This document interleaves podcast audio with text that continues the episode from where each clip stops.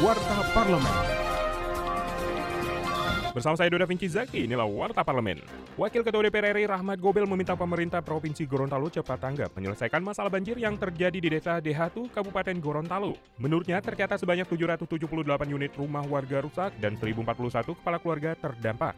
Legislator Depraksi Partai Nasdem ini berkesempatan untuk meninjau langsung wilayah terdampak dan menyerahkan bantuan kepada masyarakat. Rahmat Gobel menyebut beberapa daerah di Gorontalo sering terdampak banjir, tetapi hingga saat ini belum ada solusi konkret untuk memitigasi bencana alam.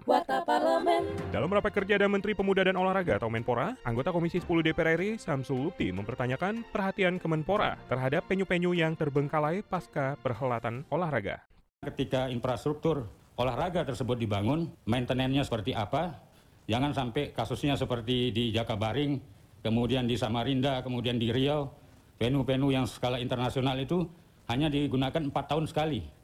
Nah ini yang perlu kita pikirkan secara bersama-sama, bagaimana bentuk supervisi dan asistensi dari Kementerian Pemuda Olahraga terhadap venue-venue dan sarana olahraga yang ada yang selama ini dibangun ketika dilaksanakan PON di provinsi-provinsi tersebut.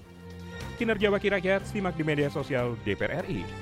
Sekjen DPR RI melalui TV dan radio parlemen kembali mengadakan lomba orasi bintang orator atau LOBO. Lomba kali ini mengajak publik untuk memberikan masukan terhadap rancangan Undang-Undang Konservasi Sumber Daya Alam Hayati dan Ekosistemnya atau RUU KSD AHE yang sedang dibahas Komisi 4 DPR. Mahasiswa, siswa, dan masyarakat umum dapat memberikan masukan untuk mendukung kelestarian alam hutan Indonesia. Sekaligus menjadi peserta LOBO dengan mendaftarkan diri melalui email bintangorator@dpr.go.id.